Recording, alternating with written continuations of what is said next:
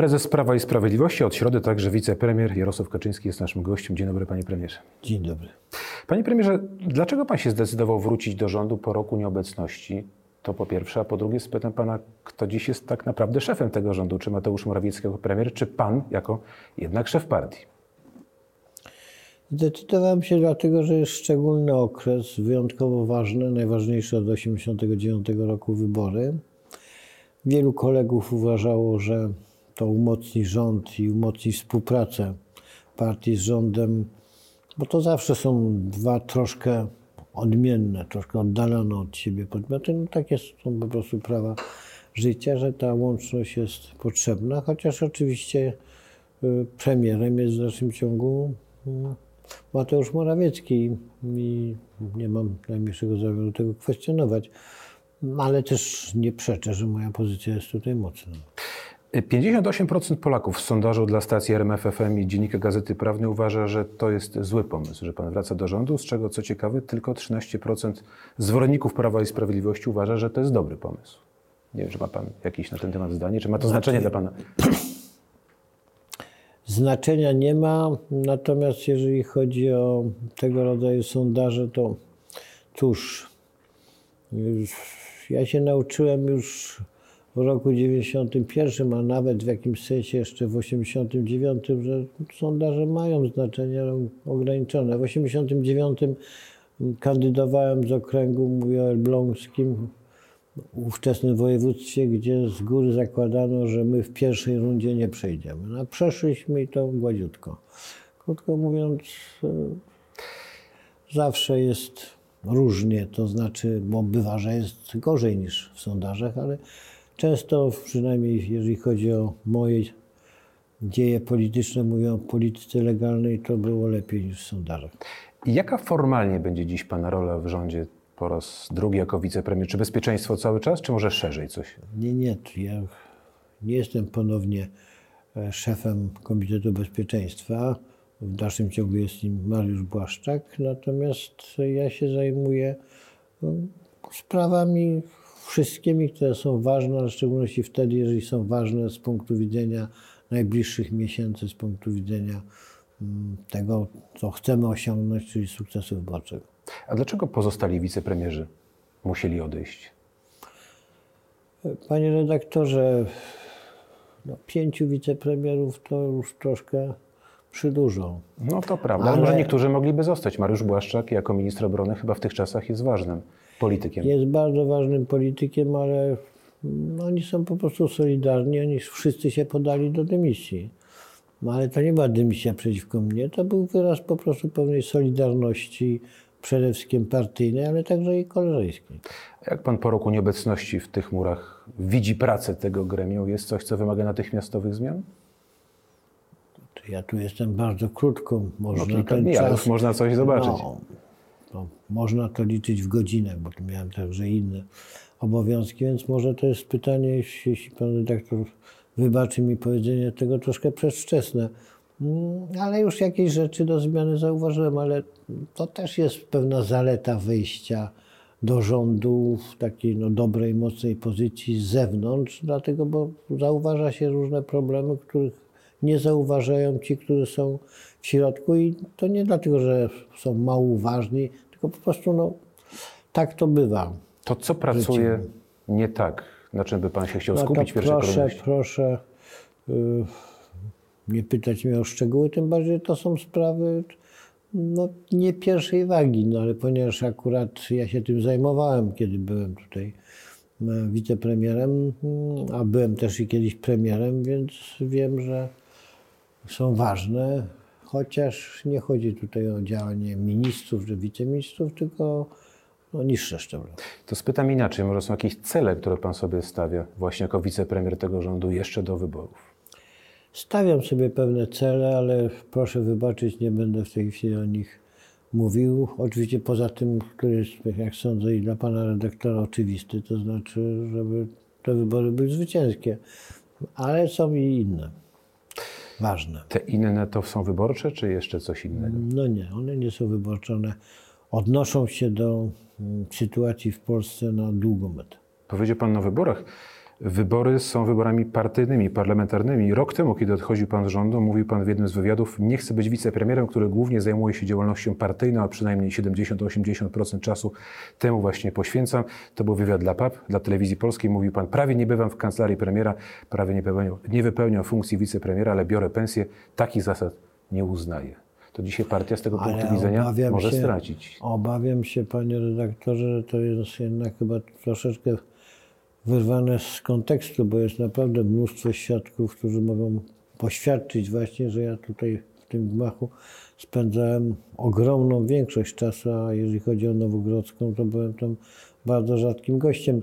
Oczywiście, kiedy byłem na Nowogrodzkiej jako szef partii rządzącej, to też przychodzili do mnie ministrowie rozmawiać o różnych sprawach, które związane są z polityką rządu, bo w końcu i partia, i rząd zajmują się polityką, ale mm, to nie to było kontekście- tak, że brałem pensję za darmo i tutaj nie Jeśli wiem. ja dobrze rozumiem, pan się trochę źle z tym czuł, że za mało czasu poświęca pan na pracę tu, a za dużo Znaczy, na pracę no, nad to- to tym, żeby muszę wszystko się było. przyznać, że nie przypominam sobie tego, e, co pan w tej chwili zacytował, ale z całą pewnością pan to cytuje celnie. No, może byłem To- w tego rodzaju nastroju, ale To naprawdę spytam inaczej, kto robiłem dzisiaj... tutaj bardzo dużo mm, to były sprawy zupełnie niepartyjne, bo przede wszystkim to były sprawy obrony narodowej, mm, bezpieczeństwa wewnętrznego, tego, żeby zabezpieczyć granicę wschodnią,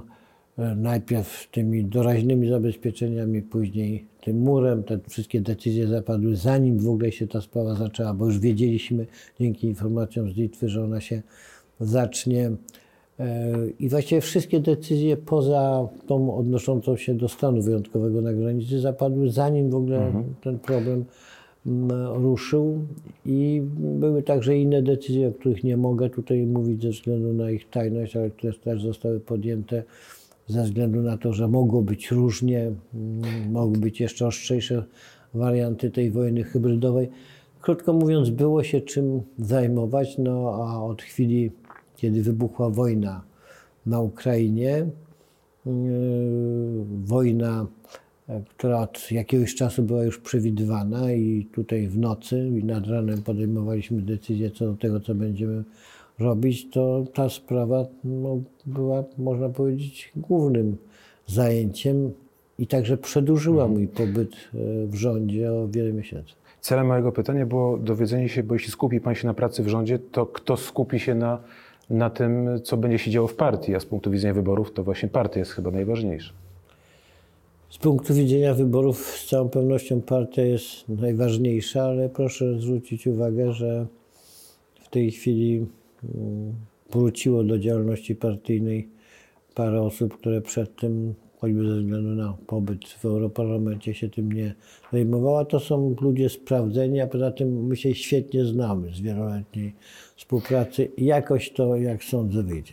Panie premierze, przed nami taka prekampanijna super sobota, jak określili ją już dziennikarze, bo na Dolnym Śląsku będzie takie prawdziwe starcie gigantów w Bogatyni Prawo i Sprawiedliwość, Platforma Obywatelska we Wrocławiu, ale przed nami także trzecia droga i Konfederacja. Ci mniejsi są dla Pana też ważni? No wszyscy są ważni w wyborach, bo czasem jeden parlamentarzysta, który zostanie wyłoniony z listy którejś z tych partii, albo nie zostanie wyłoniony, może zdecydować o układzie No, no w właśnie. parlamencie i o tym trzeba zawsze pamiętać. My nikogo nie lekceważymy. Pytam o to w kontekście tych sondaży, które na razie przynajmniej pokazują, że będzie trudno bardzo o taką zdecydowaną większość dla Prawa i Sprawiedliwości, że być może koalicja będzie konieczna. Widzi Pan takiego ewentualnego, bliższego, wspólnego koalicjanta jesienią? Panie redaktorze, no, który, kto z góry zakłada porażkę w jakimś, no, użyję takiego porównania, biegu, no to na pewno go nie wygra. Ja chcę wygrać i w związku z tym nie zakładam tego, żeby w tym momencie rozważać, kto by był, mógł być naszym koalicjantem. A jeśli to bliżej do wygrać. Konfederacji, czy bliżej do PSL i Hołowni? Panie redaktorze, jeżeli chodzi o Konfederację, no to jest troszeczkę terra incognita, trudno mi powiedzieć, to ziemia nieznana. No ja nie wiem, dokładnie jaka będzie ta nowa konfederacja. Na razie to było kilka bardzo oryginalnych osób. Jedną z nich znałem od dziesięcioleci, ale pozostałych nie. Mm, A ta nowa konfederacja, jak wskazują sondaże, ale też nie wiem na pewno, będzie znacznie liczniejsza. Będą to także ludzie młodzi, wybijający się w tej chwili i głoszący w tym momencie idee bardzo odległe od tych, które my głosimy. Natomiast jak to będzie później wyglądało w praktyce, zobaczymy, ale ja tego nie mówię w kontekście przyszłej koalicji. Mówię to po prostu jako moja ocena mm, tej formacji. Natomiast jeżeli chodzi o ten sojusz, on jest dosyć egzotyczny. Mówię o trzeciej drodze, bo PSL jest następcą ZSL-u i to widać, można powiedzieć, w każdym jego ruchu. A co to był ZSL, no to może młodsi mm, z naszych słuchaczy nie wiedzą. To była partia sojusznicza PZPR-u, całkowicie PZPR-owi mm, podporządkowana i zresztą kontrolowana w ogromnej mierze przez Służbę Bezpieczeństwa. Mimo tego podporządkowania to, jak to mawiał Stalin, ufaj, ale sprawdź. E, I Więc to było w ten sposób zorganizowane i co prawda czasy zupełnie inne i oczywiście już bardzo wiele nowych osób, ale ten bagaż jednak jest mm, widoczny. Natomiast no, o ile co do pana Chłowni, to naprawdę nie jestem w stanie się wypowiedzieć, bo nie chcę powtarzać to, tego, co wszyscy wiedzą, na przykład o tych łzach nad konstytucją, no, to oryginalny zabieg. Może wrażliwość pewna polityczna. Natomiast e, jeżeli chodzi o jego ocenę jako polityka, nie chcę w tej chwili Mhm. mówić o tym, o czym tak naprawdę wiem bardzo To niewiele. My, proszę powiedzieć w takim razie, co usłyszymy w Bogatyni, bo to już za kilka godzin. Będą jakieś nowe propozycje dla wyborców? Wiemy już trochę, że będzie dużo o gospodarce i bezpieczeństwie energetycznym. To jest spotkanie, które mm, nie będzie poświęcone temu, żeby przedstawiać kolejne propozycje typu 800. To jest spotkanie, chociaż takie propozycje jeszcze będą, chociaż no, niekoniecznie tego samego typu, ale będą. To jest spotkanie, które ma przede wszystkim pokazać i obecnym tam, ale głównie chodzi o całe społeczeństwo, na czym polega problem, e, który jest rozstrzygany, czy będzie rozstrzygany, mówiąc dokładnie, w tych wyborach. Jaki jest sens tej decyzji, która zostanie podjęta przez społeczeństwo, przez wyborców w październiku najprawdopodobniej.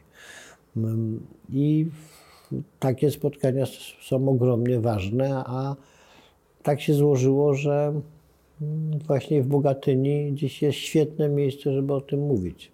O tym, czyli o czym? O czym będą te wybory, tak? Jaki będzie wybór jesienią? Tak, między czym a czym? To między, Jaka jest stawka? to między czym a czym Polacy To oprócz barw partyjnych będą wybierać?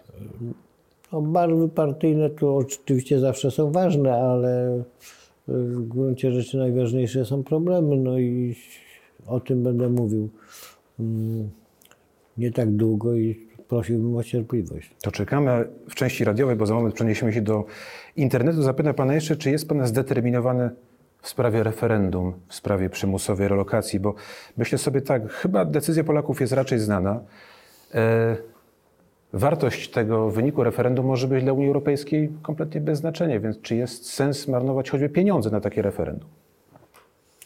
To referendum ma sens. Po pierwsze, jeżeli będzie ważne, to znaczy będzie odpowiednia frekwencja, no to będzie wiążące dla każdej władzy, więc to jest istotne, bardzo istotne dla nas. A poza tym, jeżeli pan sądzi, że w takiej sprawie referendum w Polsce, czyli dużym jednak kraju europejskim, nie będzie miało znaczenia, ja mówię o znaczeniu politycznym, a nie prawnym, dla Unii Europejskiej, no to jest pan w błędzie. Z całą pewnością będzie miało znaczenie i o to też nam chodzi. No chodzi o to, żeby zawrócić Unię Europejską z samobójczego kursu.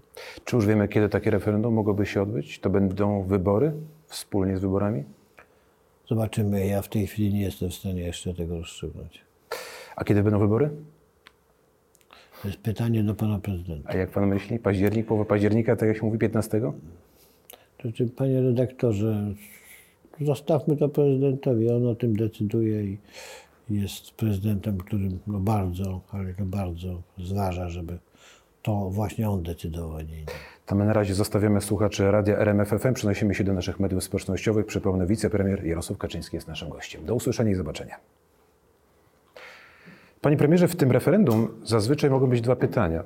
To pierwsze jest chyba oczywiste, a drugie, myślał pan nad drugim, jakie ono mogłoby być? Ja jestem zwolennikiem jednego, bo ono mm, w istocie, choć ma bardzo konkretny e, cel, konkretny temat, to jednak odpowiada na zagadnienia znacznie szersze, odnoszące się właśnie do Unii Europejskiej, do całej polityki prowadzonej od wielu lat, y, która ma Europę radykalnie zmienić mm, i ma to za tym idzie zmienić także no, charakter naszego kon- kontynentu, charakter jego kultury. Mm, Ja uważam, że to jest droga do nieszczęścia, do upadku, do cofnięcia się. I dlatego jestem zdecydowanie za tym, żeby z tej drogi zejść. Opozycja mówi, że to jest pewna nieuczciwość, że tak naprawdę wielu emigrantów w Polsce dzisiaj jest i pracuje. Za czasów właśnie rządu Prawa i Sprawiedliwości zostali mm, do tej zaproszeni i z sukcesem też pracują, wtopili się jakoś w to społeczeństwo i myślę, że nikt z nas nie ma nic przeciwko nim, więc może takie referendum no, jest jakimś dowodem pewnie politycznej hipokryzji. Panie redaktorze, po pierwsze to są osoby, które przybyły tutaj całkowicie legalnie. Po drugie jest zapotrzebowanie na ich pracę. Po trzecie, i to jest bardzo ważne, oni chcą pracować, a nie chcą żyć z tak zwanego socjalu. I po czwarte, jest ich stosunkowo niewielu. Y, Te liczby, które są w tej chwili podawane, te 160 tysięcy, to jest po prostu nieprawda. I w związku z tym to nie jest żaden problem. My nie jesteśmy rasistami.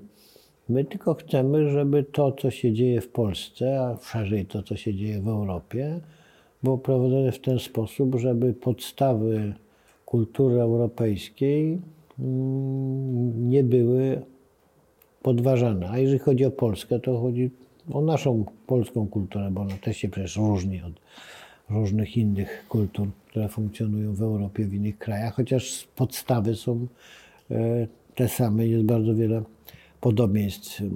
A nie chcę tutaj drastycznymi przykładami mm, ilustrować, na czym te różnice polegają. Można to było zobaczyć na przykład no, sytuacjach, które zdarzały się na granicy No tak, to pamiętam. A może panie premierze wystarczy do Unii wystąpić, tak jak Czechy, z taką właśnie formalną prośbą, aby zostać no, zwolnionym z tego mechanizmu relokacji, bo przyjęliśmy przecież tutaj bardzo wielu Ukraińców. Oni są z nami, pracują. Przez polską granicę przeszło w sumie około 10 milionów. Ja nie mówię, że tyle zostało, ale około 10 milionów przeszło przez dużo, Polskę. dużo mniej, ale jednak bardzo dużo.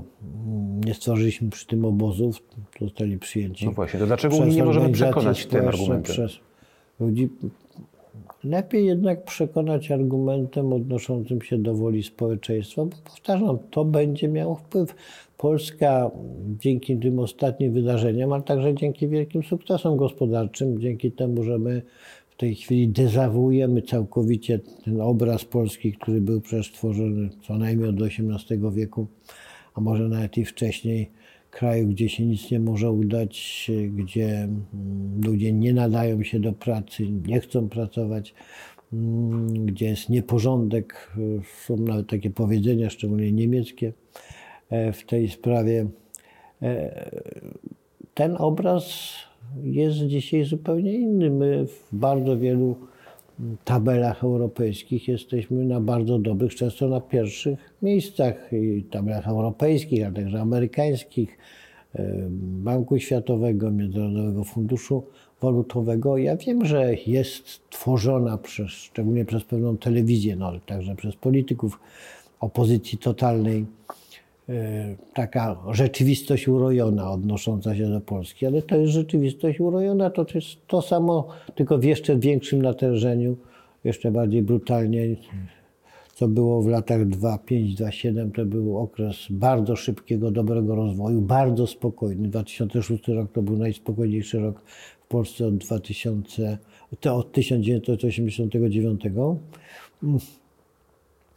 a jednocześnie wmawiano, że dzieje się coś strasznego. No to straszne polegało na tym, że nie tamci rządzą. No, rzeczywiście w Polsce powstała grupa, która uważa, że ma monopol na rządzenie i wystarczy, że traci władzę, to natychmiast się kończy demokracja, natychmiast zaczynają się ataki, natychmiast niestety odrzucane są wszelkie reguły jakiejś przyzwoitości i właśnie europejskiej kultury. Panie premierze, skoro No referendum i demokracji. będzie pan jest zdeterminowany, ja pytam o to drugie pytanie. Może drugim pytaniem powinno być pytanie o liberalizację zasad aborcji. Szymon Hołownia zgłosił taką propozycję. Rzeczywiście jest to temat, który pewnie dla wielu Polaków jest ważny. No, ja nie przeczę, że on jest ważny, tylko tutaj zapadło rozstrzygnięcie Trybunału Konstytucyjnego i bez zmiany e, decyzji Trybunału Konstytucyjnego, e, czyli takiego zmianu, zmiany kierunku, to jest możliwe w składzie 15 sędziów, czyli w pełnym składzie, Em, e, ale rzadko się zdarza. Nic nowego się tutaj nie może zdarzyć, tutaj referendum nie miałoby żadnego znaczenia, to po pierwsze, E, a po drugie, to tak naprawdę trzeba by także zmienić konstytucję. No, ja nie będę ukrywał, że głosowałbym przeciwko takiej zmianie. A może trzeba odmrozić prezydencki projekt dopuszczający aborcję w razie wad letalnych? Może to jest taki pomysł, który też sprawiłby, że młodzi wyborcy, szczególnie młode kobiety, e, jakimś takim no, łatwiejszym okiem spojrzałyby na Prawo i Sprawiedliwość. Pan proponuje taką linię, która została przyjęta przez e, wiele partii na Zachodzie, partii centrowych i prawicowych, czy centroprawicowych. E, Ta linia doprowadziła do tych zmian, które mamy dzisiaj w Europie i które z całą pewnością jej nie służą. Nie służą zresztą całemu Zachodowi. Mamy naprawdę takie podręcznikowe wręcz e, objawy mm, kryzysu cywilizacyjnego i to takiego kryzysu prowadzącego do upadku. I ja bym bardzo nie chciał, żeby w Polsce się wydarzenia potoczyły w podobny sposób. Walczymy o to i mamy nadzieję, bo pewien ruch w tym kierunku jest także na Zachodzie, żeby ten trend, fatalny trend odwrócić. To wrócę do kampanii wyborczej, panie premierze. Y, Jakie A jeszcze tak przy okazji, panie rektorze, warto robić referenda o sprawy, które mają charakter praktyczny, a jeżeli chodzi o tą sprawę, o której pan wspomniał, to ja nie chcę przesadzać, ale to niemalże na każdym rogu w Warszawie i w wielu różnych miejscach można załatwić. Nikt tego nie zwalcza, więc robienie referendum w takich sprawach no, miałoby sens wtedy, gdybyśmy na przykład zażądali, żeby z tym zdecydowanie skończyć. No, my takiego, stawiania, takiego żądania nie stawiamy. z punktu takiego właśnie wyborczego czuje pan taki trochę oddech opozycji na plecach, bo opozycja wyraźnie po marszu 4 czerwca zyskała na sile, no dozyskała taką wiarę w siebie pewnie, wiatr w żagle. Sondaże to też pokazały. Jest to dla pana duże wyzwanie? Każdy wzrost notowań opozycji, a my nie mamy obyczaju przeczyć faktom, jest dla nas wyzwaniem, ale oni maszerują, a my i rozwiązujemy konkretne problemy i jednocześnie, i to jest nasza legitymacja, i proponujemy i będziemy proponować nowe rozwiązania daleko idące, a także będziemy proponować pewną perspektywę dla Polski, która sądzę przynajmniej dla znacznej części społeczeństwa będzie ważna. Nie chcę w tej chwili posługiwać się nazwą, którą żeśmy roboczo na razie stworzyli, bo być może że ona zostanie zmieniona, ale to chodzi już o coś, co przynajmniej dla młodszego i średniego pokolenia może być bardzo istotne, no bo do którego ja należę, więc mam prawo o tym mówić, już pewnie tego nie zobaczy. Ale, no przynajmniej w finale, ale to jest coś, czego każdy polski patriota, każdy człowiek, który ma jakiekolwiek przywiązanie do Polski, powinien sobie życzyć. Taka Polska, która byłaby no, tylko podobna, bo nie może być inaczej, do tej, która istniałaby, gdyby nie było II wojny światowej, gdyby nie było I wojny światowej, nawet gdyby nie było utraty niepodległości. Ja nie mówię oczywiście o terytorium i nie kwestionujemy naszego dzisiejszego terytorium, tylko tego, co jest w Polsce, jak Polska wygląda. W jakiejś mierze oczywiście tutaj nie będziemy wprowadzali żadnych retrospektywnych rozwiązań, jak ona funkcjonuje. Tego byśmy chcieli. Chcielibyśmy stworzyć Polakom taką perspektywę mm, naprawienia tego wszystkiego, tych wszystkich nieszczęść, które nas spotkały. Skoro wspomniał Pan o wojnie, ostatnie pytanie na koniec, które przyszło mi do głowy. Przed nami 80. rocznica rzezi wołyńskiej, 11 lipca, to już bardzo niedługo. Widzi Pan po tej ostatniej wypowiedzi szefa ukraińskiego IPN-u możliwość takiego prawdziwego pojednania? No jest to trudne, tego nie będę ukrywał, ale nie chcę tego tematu rozwijać. Ja mówię jasno, kiedy przyjdzie ta rocznica, otóż bardzo niedługo, trzeba powiedzieć, że to było ludobójstwo wyjątkowo wręcz brutalne, okrutne, jeszcze gorsze niż te niemieckie ludo- ludobójstwa i trzeba się z tym rozliczyć, trzeba powiedzieć tutaj właściwe słowa i trzeba jednocześnie mm, odnaleźć tam, gdzie to się da mm, i miejsca, i miejsca pochówku. Trzeba tych ludzi właściwie pochować, tak jak no to ludzie po prostu zasługują. E, I trzeba o tym mówić. Byłby Pan trzeba... gotów teraz jako wicepremier pojechać do Kijowa, spotkać się z Załęskim i powiedzieć mu o tym?